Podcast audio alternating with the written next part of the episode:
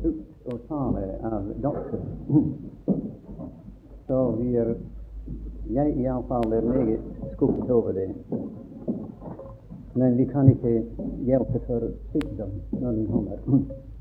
Vi skal lese noen vers fra Hebreerne, det tiende kapittel. Hebreerbrevet ti, av de tre første vers. Siden loven har, bare har en skygge av de tilkommende goder, altså en skygge av de tilkommende goder, men ikke selve bildet av tingene, så kan den aldri ved de ofre som de hvert år alltid på ny bærer frem, gjøre den fullkomne som kommer med dem. Ellers ville de jo ha opphørt med å frembære dem, da det offentlige ikke lenger ville ha sønder på samvittigheten når, han, når det en gang var renset. Men ved den får man år en minnelse om synder. Det er umulig for blod av offer og bukker at det kan bortta synder. Og siden i det, i det tiende vers, eller niende vers, så har han eh, deretter sagt Se, jeg kommer for å gjøre din vilje. Han tar det første bort for å innsette det andre. Og ved denne vilje er vi helliget ved ofringen av Jesu Kristi legeme en gang for alle.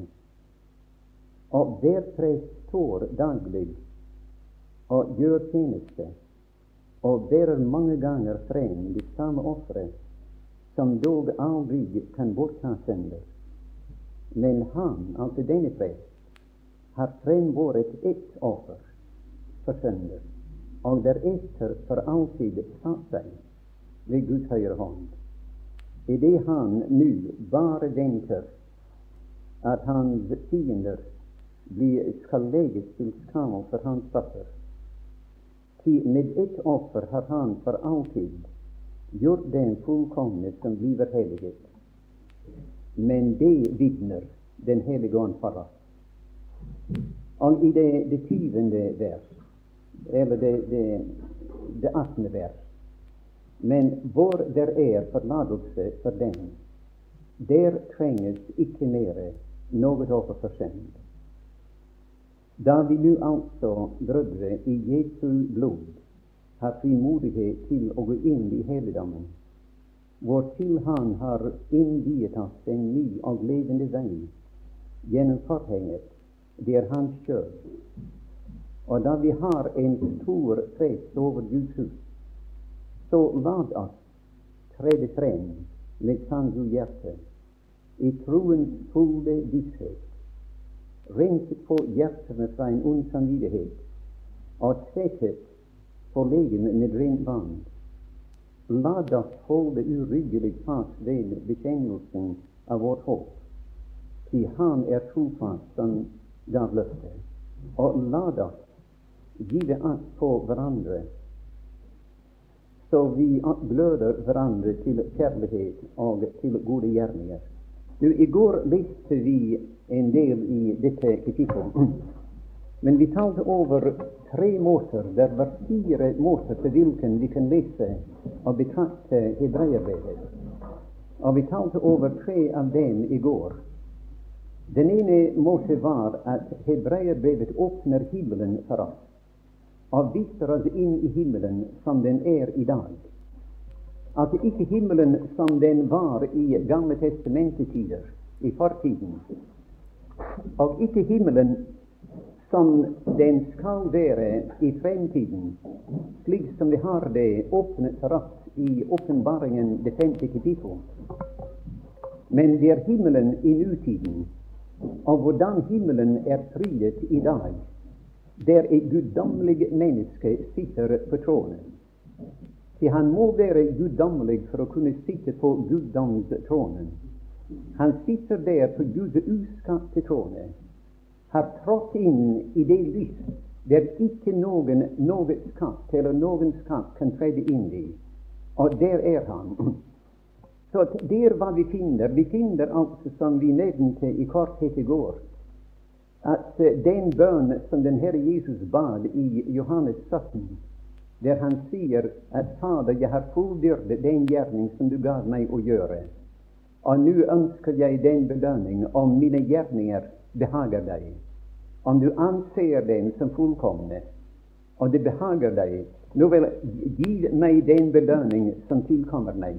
Og belønningen var han skulle trede inn i den herlighet nå som et menneske, men et guddommelig menneske, som han hadde hos Faderen før verden var. Og Hebreerbrevet, mine venner, viser at hans bønn er blitt oppfylt. Og der er han den dag i dag, og har sittet der nå i disse snart 2000 år. Den andre måte på hvilken vi så på brevet, var at det var motbildet til det 16. kapittel i Tredje Mosebok, der vi leser om forsoningens dag. Den viktigste dag i Israels historie. At År etter år ble der blodet båret inn i helligdommen og senket på nådestolen og for nådestolen. Og det var tre stillinger i hvilken de så ypperste presten den dagen. De så ham gå meget alvorlig, og det var stillhet sikkert i leiren den morgen da de så ham gå fra sitt telt med den, den de snehvite kledning på seg. Han hadde ikke på seg den dagen de klær for herlighet og ære som han ellers bar, men den snehvite kledning gikk han med, og han gikk utenfor leiren. Og han tok sitt, sitt offer, altså denne okse som han skulle slakte. Og han la sine hender på oksens hode, og han bekjente dere sitt uh, sønder over det. Oksen ble slaktet, og da ble oksens blod båret gjennom tabernaklet og inn i det aller helligste, og stenket på, på nådestolen. Først så folket ham utenfor leiren på offerstedet det, som svarer til Golgata. Siden så de ham innenfor der nådestolen var, som svarer til der Jesus er i dag. Og da så de ham komme ut igjen. Og med oppløftede hender da uttalte han Israels velsignelse, eller Guds velsignelse over Israel, at Herren bevare deg og beskytte deg. Og Israel den dagen kunne gå tilbake til sine telte, prisende og lovende Gud. Til alt var ordnet, blodet ordnet alt for et helt år. Og hvor vi skulle prise Gud, mine venner, at blodet, det blodet vi, blodets grunn vi står på, har ordnet alt for oss. Ikke for et helt år, ikke fra en forsoningsdag til en annen forsoningsdag, men til evighetens evighet. Det, det blod skal aldri tape sin, sin verdi. Det skal det ha sitt verdi når år millioner har gått sin vei. Det blir like dyrebar i himmelen og skal tale der også, like mye som det taler i dag. Nu, Det tredje måte til hvilken vi kunne se på dette brevet, var at det er en betraktelse over Kristus som en apostel og Kristus som en prest. Du vet Apostelen skrev det første kapittel om Kristus som en apostel der han kommer ut fra Gud, og han taler Guds ord, og Guds siste ord til mennesker. Og siden i det andre kapittel skrev han for å vise oss presten som gikk, gikk inn fra mennesker til Gud, og står der og representerer den for, for Gud, for Guds åsyn. Og da, da, han var ferdig med det, nå sier han, mine hellige brødre, nå giv akt på ham som en apostel og ypperste prest. Se ham der på veien ut, Se ham der på veien ned fra disse høyder, guddomshøyder, guddomstronen i herligheten, og der han landet på et kors og gjorde renselse for våre sender. og talte hele Guds vilje, så meget så at det ikke er et eneste ord mer å tale. Og det de mennesker som legger noe til hva den siste taler har talt. Profeterne talte stykkevis, delvis altså, Kristus har talt hele Guds råd og tanker. Det fins ikke noe annet å åpenbare nå. Alt er åpenbaret av Gud som kan åpenbares. Kristus er en åpenbarelse av Gud, og Hans ord meddeler til oss Guds tanker. Men da, som sagt, ypperste presten går inn fra mennesker og inn til Gud og sier nå her er jeg, eh, min Gud og min Fader, og jeg representerer dem som går den samme vei som jeg har gått. Nå kommer de bak etter meg. Jeg er forløper for dem. Og jeg står her, og jeg representerer dem. Og Gud ser oss, mine venner, på hans bryst, Representere der i disse skinnende stener som er der. Ikke to av disse stener var like. Ikke, ikke to av dem. Alle var ulike, altså. Den ene hadde én farve, og den andre en annen farve. Og det fins ikke to troende like. Og det fins ikke to, to nådegaver som er like. Alle sammen er annerledes fra, fra det andre. Og han står der i dag, og Faderen ser deg og meg i, i Kristus. Han er der som oss, og vi er her som han. Han er der og representerer oss for Gud og sin. Vi er her og representerer ham for verden. Og verden burde se oss, burde se Kristus åpenbart i vårt liv her nede. Nå, Den fjerde måte vi kan se på dette brevet, er at det er den mest utførlige forklaring over Kristi offer som det er i noen bok i Bibelen. Og det ser vi fra begynnelsen av, eh, av brevet og utover. Hele veien til ofte til det 13. kapittel eh, leser vi om det. Jeg har alltid tenkt når jeg har lest det kapittel her, at i, for meg har det vært et meget trist kapittel. Iallfall den første delen av det. Vi finner her i det begynnelsen kapittelet loven Loven hadde ikke, det var bare en skygge. Det hadde ikke engang, var ikke engang bildet av de tilkommende goder. Altså, De tilkommende goder er ikke de goder vi er på veien til. De tilkommende goder var goder som Israel var på til, og som vi nå nyter i dag.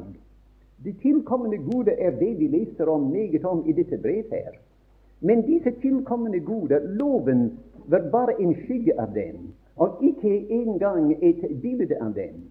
Og disse ofre som loven befalte den gangen som skulle ofres, det kunne ikke engang gjøre den fullkommen som kom med disse ofre. Jeg tenker på en troende den gangen som ligner en kjøpmann i dag. Han får en melding fra banken at en anvisning forfaller til betaling. Men han eier ikke penger, og han kan ikke betale det. Men han skriver på en veksel. Det er en bankmann her i dag som kanskje kjenner til det. Og han skriver på en veksel og leverer den inn til banken. Om en stund får han en annen melding fra banken at uh, den, står, den, den forfaller til betaling. Men ennå kan han ikke betale det, og han skriver på en veksel. Det eneste forskjell er, mine venner, at for hver veksel han skriver på, blir gjelden større og større. Ikke mindre og mindre. Det, det, den veksel kan ikke bortta han gjeld. Nå vel, det disse kjære troende den gangen det kom med sitt offer. Jeg har syndet mot Herren, men her er et offer. Og det offer, mine venner, det bare dekket over midlertidig. Gud sier 'jeg kan vente', jeg har god tid, jeg kan vente. Der kommer et offer som skal fjerne det. Og jeg, jeg, skal vente til den dagen kommer. Og han dekker over deres synder for nærværende. Og det kommer et annet og et tredje offer. Og det, de fortsetter med disse veksler igjennom århundrer inntil den Herre Jesus kom. Mine venner, det er hva vi har i dag. Det var veksler og veksler hele tiden igjennom. Men den, den forretningsmann som jeg talte om Sett f.eks. at en god venn kom fra Amerika som hadde tjent mange dollars der, og han hører hvordan denne sin venn har det. Og han sier til ham nå må det være forbi med disse veksler. Og du, du, skal følge med meg til banken i morgen. Og det, det går side om side til banken neste dagen. Den rike venn fra Amerika betaler alt sammen. Og fra den dagen av kom det ikke en eneste melding fra banken. For den dagen av er det ikke veksler å skrive på eller noe slikt. Hvorfor? Fordi nå er gjelden fjernet, og gjelden er betalt. Mine venner, den rike mann var den velsignede Herre Jesus. Og han kom ned fra himmelen, og som vi har lest her, han tar det første bort for å innsette det andre.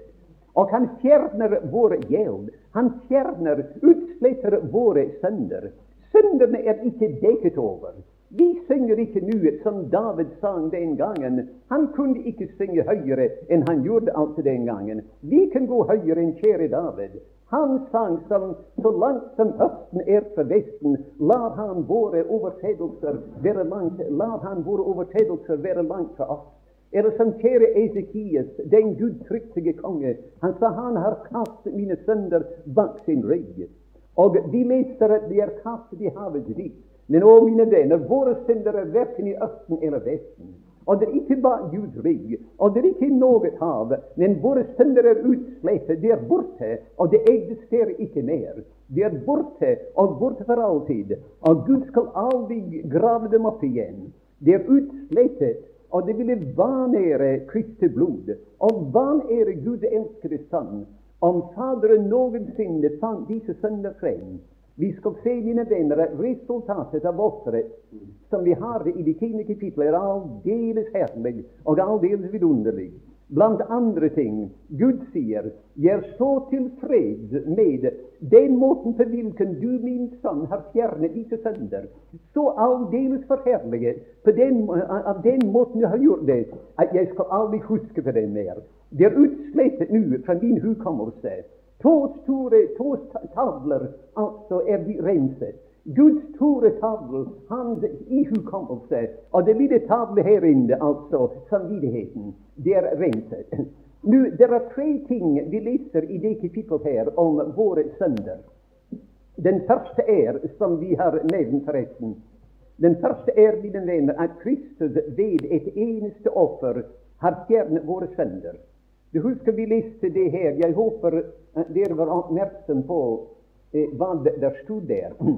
Og Man må lese det med en viss betoning også. Vi leser at disse prester, disse kjære prester som levde den gangen, de ofret det samme offeret hver eneste dag.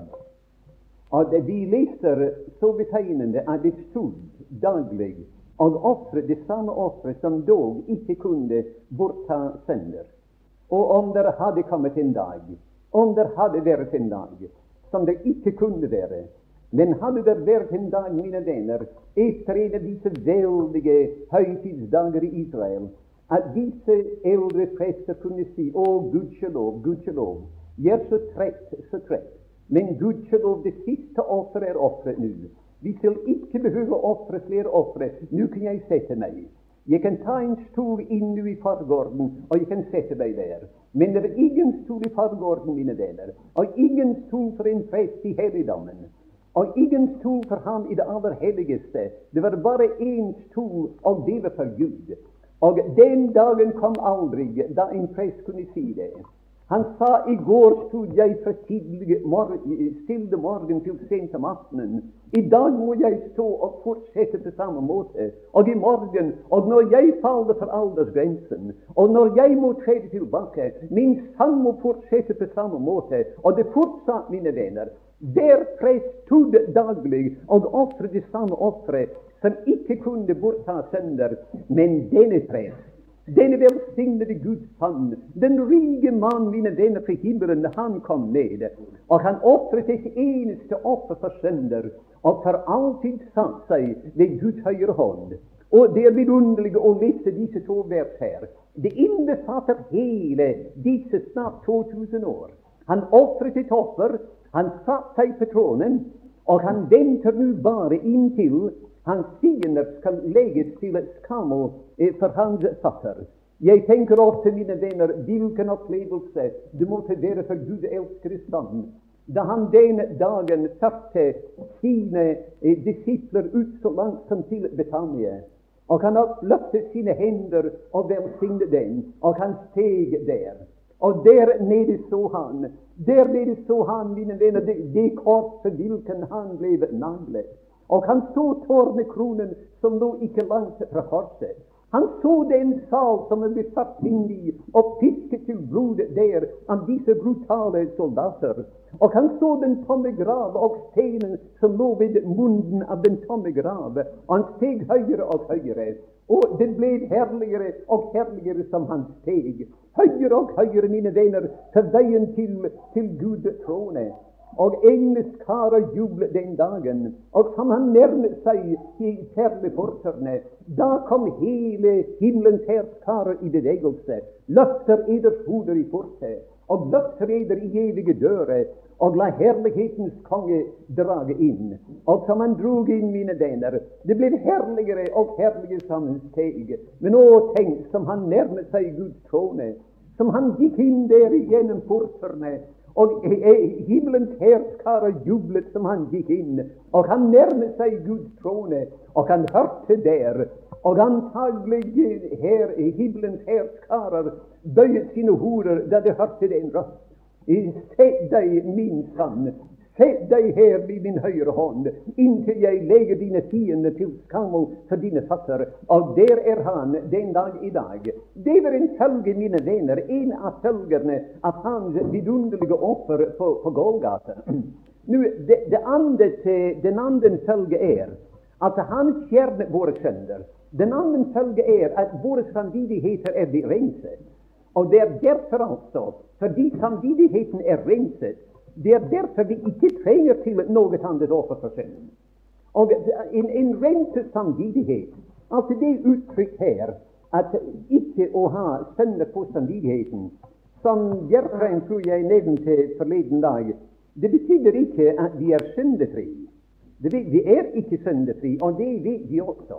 Om jeg stod her i dag og, se, si, og sa jeg var syndefri, ja, ikke ene av dere, og særlig en av dem som sitter her i dag, altså min hustru, hun, hun ville aldeles ikke være enig med meg. Og jeg tror ingen av dere ville være enig med meg. Nei, syndefrihet, mine venner, det eneste syndefrie mennesket er de som ligger i kirkegården. Men det finnes ingen som går på jorden i dag. Men å ikke ha synder på samvittigheten er det samme som vi leser i den 32. salme. Den, den begynner med 'Salig er den hvis overtredelser er forlatt, og hvis synd er skjult'. Salig er den mann som Herren ikke tilregner misgjerning. Det var så langt som David kunne gå. Men apostelen sier han tilregner oss rettferdighet. Nå Istedenfor Gud tilregner oss synder, han tilregner oss rettferdighet. At vi er ikke syndefri, men syndens, syndens stål er blitt båret. Synden er blitt fjernet i Kristi død og blodet på Golgata. Og nå Gud er fri til å tilregne oss rettferdighet. Han tilregner oss sin egen rettferdighet, og hans egen rettferdighet er Kristus. Du husker den forlorne sønn, at han var langt borte da Faderen så ham. Og han var ganske nær til der han hadde vært blant svinene, langt borte da Faderen så ham. Han var langt borte da Faderen møtte ham. Langt borte, mine venner, da Faderen omfavnet ham. Men, og han var langt borte da han fikk den beste kledning på. Men så snart som han fikk den beste kledning på, var han i huset. Altså Det var ingen avstand da han var i huset da han fikk den beste kledning på. Skjønt han var langt borte da det hendte den til ham. Slik er det da Først, mine venner, den ene tingen er at våre synder er borte i det ene offer, og det eneste offer som kunne fjerne synd. Den andre ting om våre synder er at eh, vi, våre samvittigheter er renset. Og nå, følelsen vi har når vi går inn til Gud, er Vi går ikke inn til Gud som en synder og føler 'Å, min Gud, og om bare jeg kunne skjule det her'. Vi går inn, mine venner, og vi kan synge der når vi ligger på våre kne. Så nær, så ganske nær til Gud, at nær nær i tenkeskapten. Til nå er vi ute i Hans sanne, vi er så nær som Han. Nær til Faderen, mine venner, i sanden. Benådet i den elskede. Det er forresten det er høydepunktet i hele Bibelen. Det, er høydepunkter i alle disse brevene. Hvert brev har sitt eget høydepunkt. Men det høyeste av alle punkter som er i hele Bibelen, fra perm til perm, er det sjette vers i Efeserens første kapittel. Og der er vi ført inn i yndes hus, den elskede. Gud forandrer navnet fra Kristus til den elskede. Vi er velsignet i Kristus og, og brakt ned i Kristus. Men når det kommer ned til det sjette vers, vi er brakt ned til Gud, i han, i han, inn i Hans yndet, i den elskede. Så nær altså kan, kan ingen komme, eh, som det vers taler om. Nå vel, det er noe av hva dere innbefatter i det her, at uh, vi ikke har sønder på samvittigheten. Og da den tredje ting som er talt om våre sønder, er at Gud Fader sier 'Jeg har glemt den'. Jeg har utslettet den fra min hukommelse. Jeg skal avvige mer komme den i hu. Og når Faderen sier det, og når Sønnen har sagt 'Min Fader, det er fjernet', og når du og jeg, mine venner, har vår samvittighet renset, da sier Den hellige ånd 'Men det er jeg', sier han, 'som digner disse ting'. Tenk til Den hellige ånd står der ved siden av Golgata, og han sier 'Nå skal jeg digne noe for dere'. Det, vet, det er mange som taler i dag om, og det sørger deg gjerne, har du fått Åndens vitnesbyrd? Hver eneste troende, mine venner, har Åndens vitnesbyrd. Her har vi Åndens vitnesbyrd eh, for oss. Han står ved siden av Golgata, og han sier 'Jeg vitner for eder', sier han. Jeg, jeg ber ikke eders følelser vitne det, eller, eller, eller innbilning å vitne det, men jeg vitner det at hver eneste ting er ordnet mellom Gud og deg. Avstanden er fjernet, og du er så nær, så ganske nær til Gud, at alt sammen er ordnet. Det var hans vitnesbyrd for oss. I Romerne 8 vitner han også med oss. Og i 1. Eh, Johannes 5 hans vitnesbyrd er i oss. Og alltid er det gjennom ordet, aldri gjennom noen eh, opplevelse eller følelser eller noe slikt. Men han tar ordet, og han sier det er mitt vitnesbyrd for eder, og med eder og i eder. Nå vel, når alt sammen var ordnet, mine venner, og Gud var så tilfreds og han sa, 'Min sønn, du har så gledet meg og forherliget meg.' 'På den måten du har fjernet disse sønner, at nå åpner jeg forhenget.' Og han trekker forhenget til side.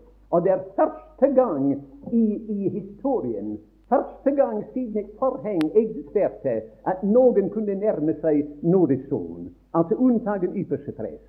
Nådestolen var den første ting som Gud gav Moses befaling om at han skulle lage. Men Israel kom aldri til nådestolen. Aldri. Men den første, første stedet en synder kommer til, Ifølge Romerne tredje kapittel, det husker vi leser i det 24. der? i det vi blir rettferdiggjort uforskyldt av Hans nåde ved forløsningen som er i Kristus Jesus, som Han har fremstilt til som en nådestol, som en nåde, ved tro på Hans blod. Og der kommer vi, mine venner, nå. Men hvorfor er det? Hvorfor kan du eller jeg gå inn i det aller helligste? Hvorfor kan vi gå inn der, mine venner, der herligheten bor? Der, der ikke David fikk lov til å gå. Der ikke noen av profetene fikk lov til å gå inn. Det var bare én mann, og det var bare én gang årlig, under en sky av røkelse, som kunne gå inn i det aller helligste. Og her er vi i dag. Vi er ikke engang av Arens hus. Ikke engang av Israels et eller noe slikt. Vi er hedninger, mine venner, av, av naturen. Og vi, ikke, vi, kan ikke sammenlignes med menn som Samuel eller Daniel eller, eller noen av disse gudmennene i Det gamle testamentet. Men hvorfor kan vi nå gå inn? Og ikke bare, ikke skjelvende heller, men gå inn med frimodighet inn i det aller helligste. Jeg skal si dere, mine venner, forskjellen er i offeret. Det var offeret som gjorde forskjellen. Fordi det siste offer er offeret. Og fordi ikke noe annet offer fortrenges mer, nå sier Gud at når, når det er tilfellet, nå er det ingen, ingen hindring for at, at, dere går inn i det aller helligste. Alt sammen er ordnet. Jeg er tilfreds og inn nå. der er eders hjem for fremtiden. Å Gud give, mine venner, at vi kunne betrakte det som vårt hjem. Gud give vi kunne gå inn der og aldri komme ut igjen. Vi må komme ut samme tider for å gjøre en gjerning utenfor. Det er ingen beskrivelse her om hvordan det var, bare at vi har frimodighet til å gå inn. Vi får en større beskrivelse i det 15. kapittelet i Lukas evangelien. Der går den forlorne stand inn. Det var veldig glede i huset den dagen. Hvem var det som var glad? Det var Faderen som var glad. Det var Faderens glede som fylte hele huset. Og det andre delte bare Faderens glede. Vi får mer av en beskrivelse der enn vi får her. Men vårt hjem nå, mine venner, det er i Faderhuset. Ikke det Faderhus vi er på veien til, som Johannes 14 taler om, men Faderhuset som, som, som Lukas 15 taler om, det er vårt hjem i den nærværende tid. Og vi kunne gå der mange ganger, mine venner. At vi kunne bo der, betrakte det som vårt hjem, innenfor der, der herligheten bor, og synge meget, meget ofte som vi er bøyet der, og ser opp til vår Fader, vår velsignede Faders åsyn. Min Fader, din yndling er her. Ditt kjære barn er her som det elsker av hele ditt hjerte. Han er her. Jeg er så nær, så ganske nær til deg, at mer nær jeg tenkes kan.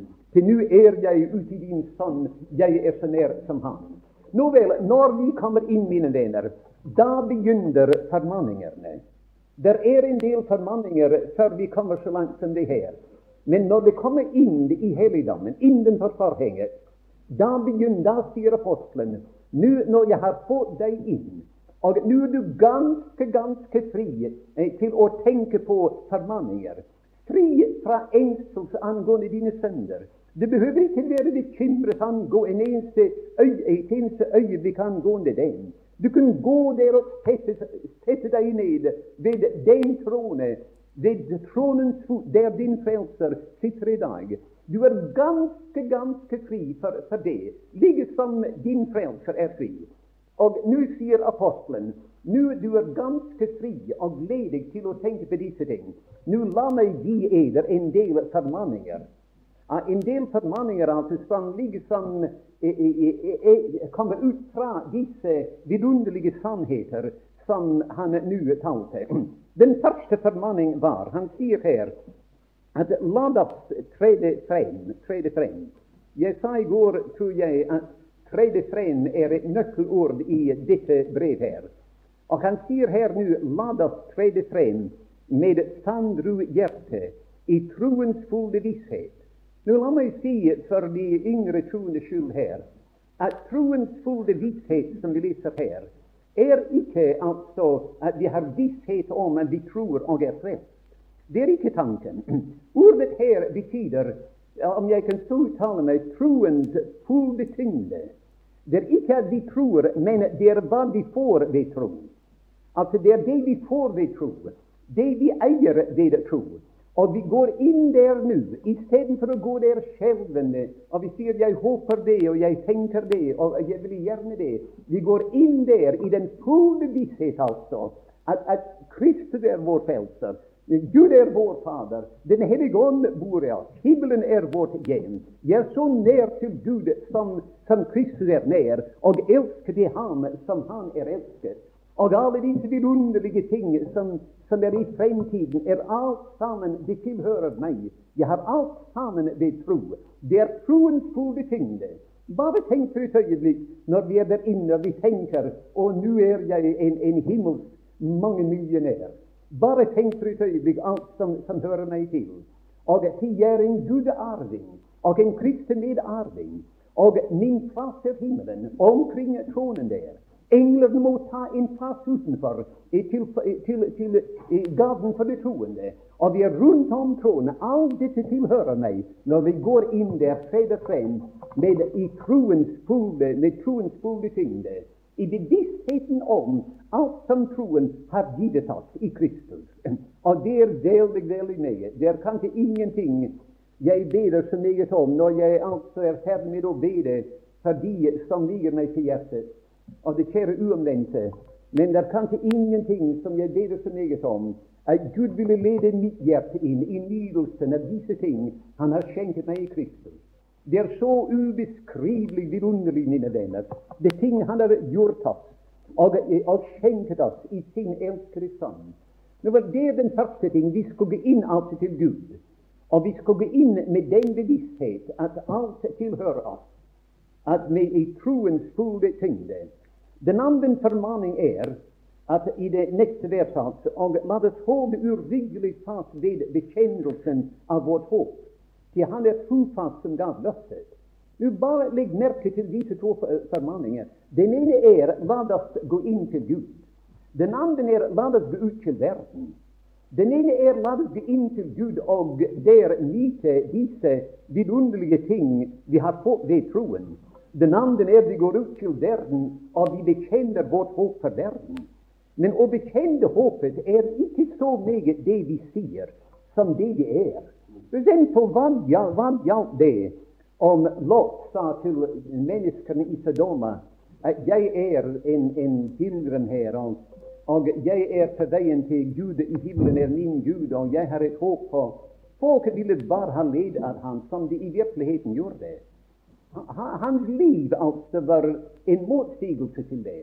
Men Abraham, mine venner, behøvde ikke å si et ord.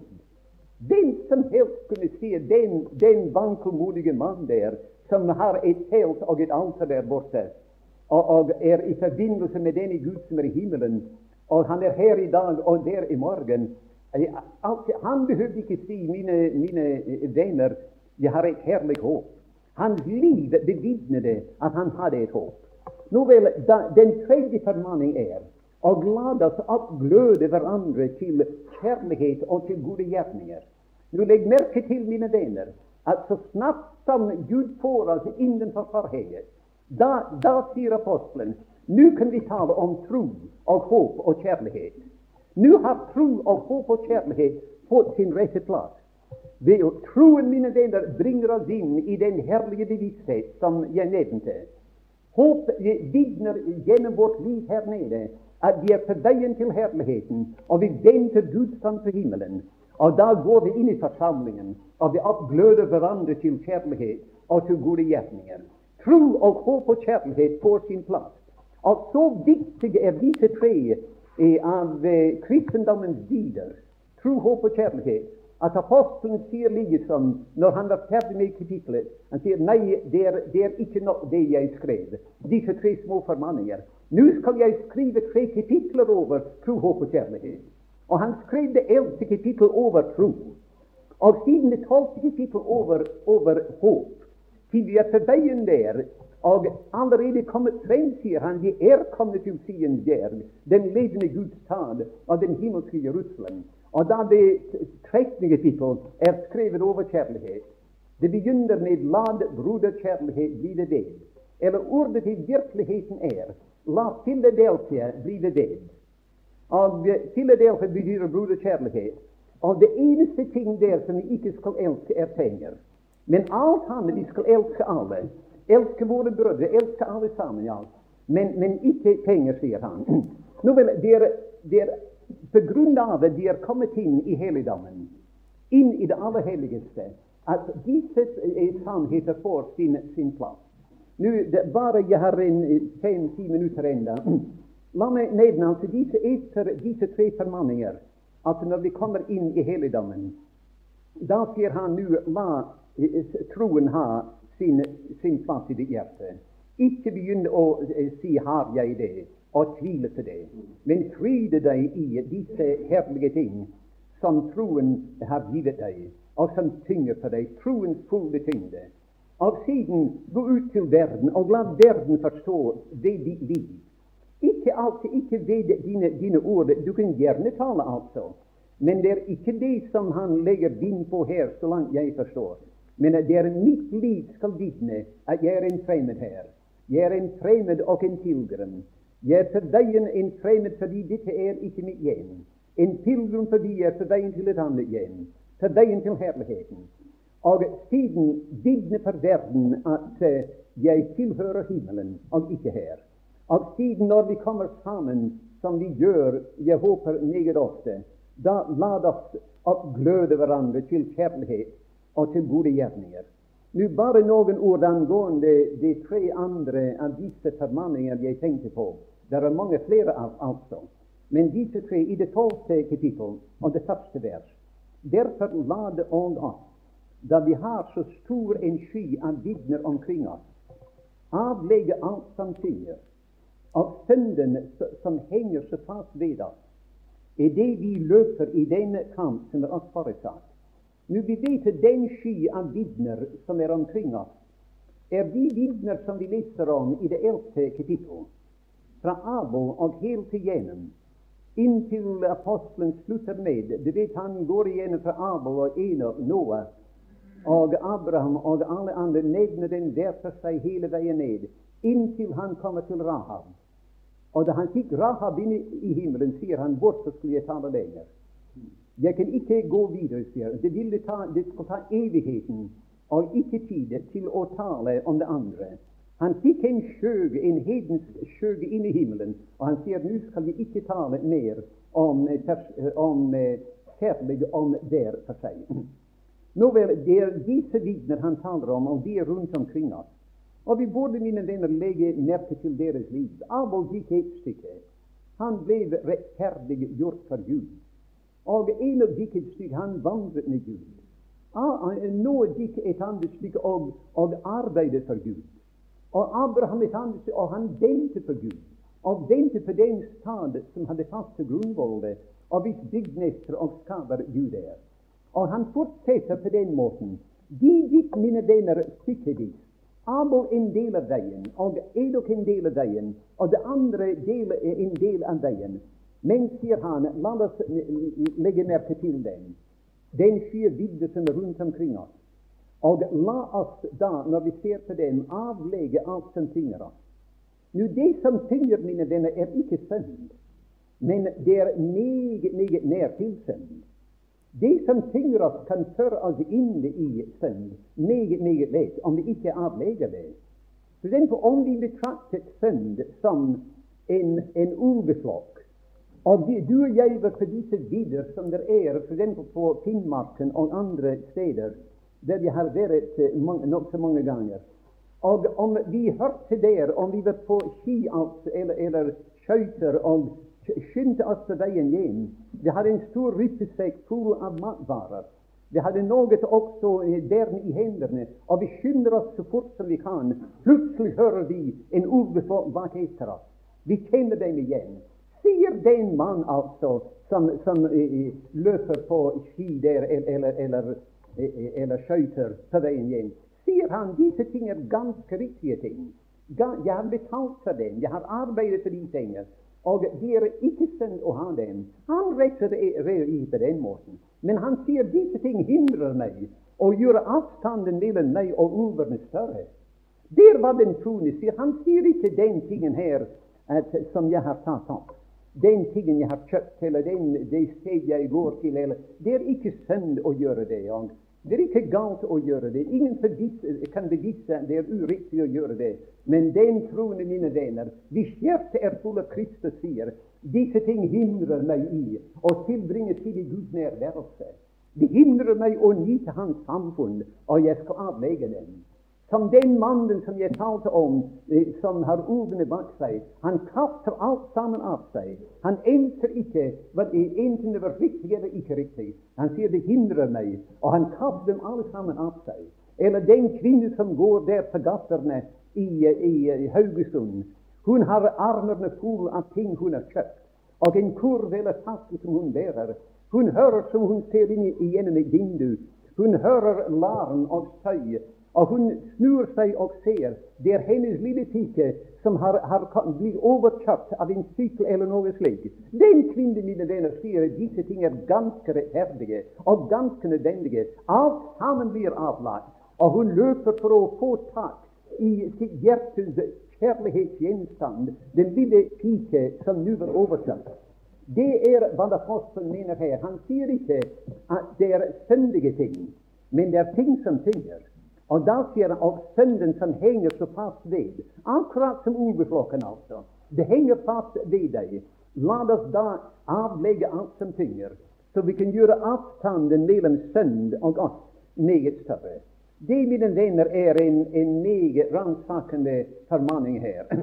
Meget annet kunne sies om det, men vi kan ikke nå, for tidens skyld. Men da sier apostelen at når du gjør det, og alt er ordnet, så du kan løpe det hurtigere. Da løft eders øyne fra den skye vitner. Løft eders øyne fra den som, som gikk stykkevis, og se på ham som sitter der. Han har gått den veien som du har gått, sier apostelen. Han måtte løpe den veien som du uh, løper på nå. Men han begynte veien og avsluttet veien. Og han sitter nå der ved Guds høyre hånd i himmelen. Nå Bare et, et ord, og da er jeg, må jeg være ferdig. I det, det 13. kapittel Apostelen sier her altså i det, i det, i det tiende vers, sier han, vi har et alter som vi ikke har rett til å ede av, som tjener ved teltet. Jeg har spurt mange troende hva for et alter er det som ikke de har rett til å ede av, som, som tjener ved teltet, ved tabernaklet. Og jeg tror ikke jeg har fått et svar fra noen troende ennå. Men jeg skal si eder hva det er. At eh, vi eder av et alter. Og om Israel hadde edet av det alter, det ville være døden for dem. Til vi leser her at tid, eh, sier han, de dyr hvis blodet ble båret inn i helligdommen. Tenk på nådestolen. Deres legemer, deres kropper, ble brent utenfor leiren at de ofre som ble båret inn, ditt blod ble båret inn på forsoningens dag, og tenk på nådestolen de, Deres kropper, alt sammen brent utenfor leiren. Det de mennesker som ville prøve å ede noe av det, det var øyeblikkelig død og dom. Det er nettopp det offer vi eder av. Vi eder, mine venner, av det alter. Kristus, vår, vårt offer, ble, ble, ble korsfestet, ofret utenfor leiren. Og der han bar sitt eget blod inn til himmelens tårne. Det er nettopp det offer de eder av. Vi kan ede av det offer, men ikke Israel. Han er vår mat. Vi eder hans kjød og drikker hans blod. Og vi gjør det når vi sitter ved og betrakter eh, slik som de skriftsteder som ble lest forleden dag om hans død, som i den 22. salme, eller Isaias 53, det er da vi er der, der vi drikker hans blod, og vi fryder oss i tanken at alt sammen blir gjort for oss. Nå vel, sier apostelen, nå er vår plass nå. Vår plass er utenfor leiren. Så han sier den formaning vi har i det 13. vers, la oss da gå ut til ham utenfor leiren, bærende hans vanære. Men vi, vi skal ikke, mine venner, bli der. Si, sier han, la oss i det 15. der, da ved, ved ham alltid bære lovoffer frem. At Tanken er det at jo lenger du går utenfor leiren, desto dypere går du innenfor forhenget. Og vi kan ikke være på, på begge steder på en og samme tid. Det går igjennom, mine venner, hele Bibelen. Det går igjennom hele Bibelen altså at først må vi inn til Gud, og siden ut til verden. Ved deg og be meg om vi går først ut til verden før vi har vært inne hos Gud. Og hva finner vi der? La meg illustrere det, mine venner, hva vi finner der. Du husker i den fire og åttende salme, den nydelige, deilige salme, en av Kåres barns salmer. Kåres barn var den som ble skånet i ørkenen, og gikk ikke levende ned med sin far i opprøret der. Og de glemte aldri den nåde som Gud hadde bevist dem. Nå vel, salmen begynner med Hvor elskelige er dine eh, boliger, Herre herskarenes Gud. Og mitt hjerte lenger, Jan vant nekter lengsel etter Herrens forgårde. Og han taler der, nyder der Herrens altere, Herrens forgårde. En troende altså, som nyter inderlig samfunn med Herren. Men da leser vi lenger ned at når de går igjennom Tåredalen når de går utenfor helligdommen, hva finner de der? De finner at der er en tåredal. Og hva skal vi gjøre når vi kommer inn i denne tåredal? Skal vi skape flere tårer? Nei, sier han, vi skal tørke dem. Vi skal lage en kyldevang der. Vi skal fylle den med glede når vi går ut. Men om vi prøver, mine venner, å gå gjennom Tåredalen før vi har vært inn i Herrens forgårde, inn i helligdommen, da skal vi ikke tørke mange tårer. Å, Gud hjelpe oss. Gud hjelpe oss til å be til Herren. Gi meg den tunge, den lette tunge, så jeg kan gide og kvege den nødige med et ord. som min mester gjorde her nede. Gud hjelpe oss, mine venner. Verden er full av tårer, full av sorg, full av elendighet. Og de trenger kraft. Og de trenger til å få sine tårer tørket. Gud hjelpe oss til å ligne vår velsignede Herre og å gjøre det. Må Gud da skrive sitt eget ord og denne, disse tanker, disse formaninger altså i våre hjerter. Du vet Apostelen slutter dette brev med. Han sier, mine brødre, ta denne formaningsord vel opp, siden jeg har skrevet i korthet. Men hebreerbrevet er ikke et kort brev. Det er 30 kapitler i hebreerbrevet. Flere av dem nokså lange. Men hans formaninger er korte. Så det var formaningsordet som han ba dem ta del av. Det ble skrevet i korthet. Må Gud da skrive det inn i alle våre hjerter.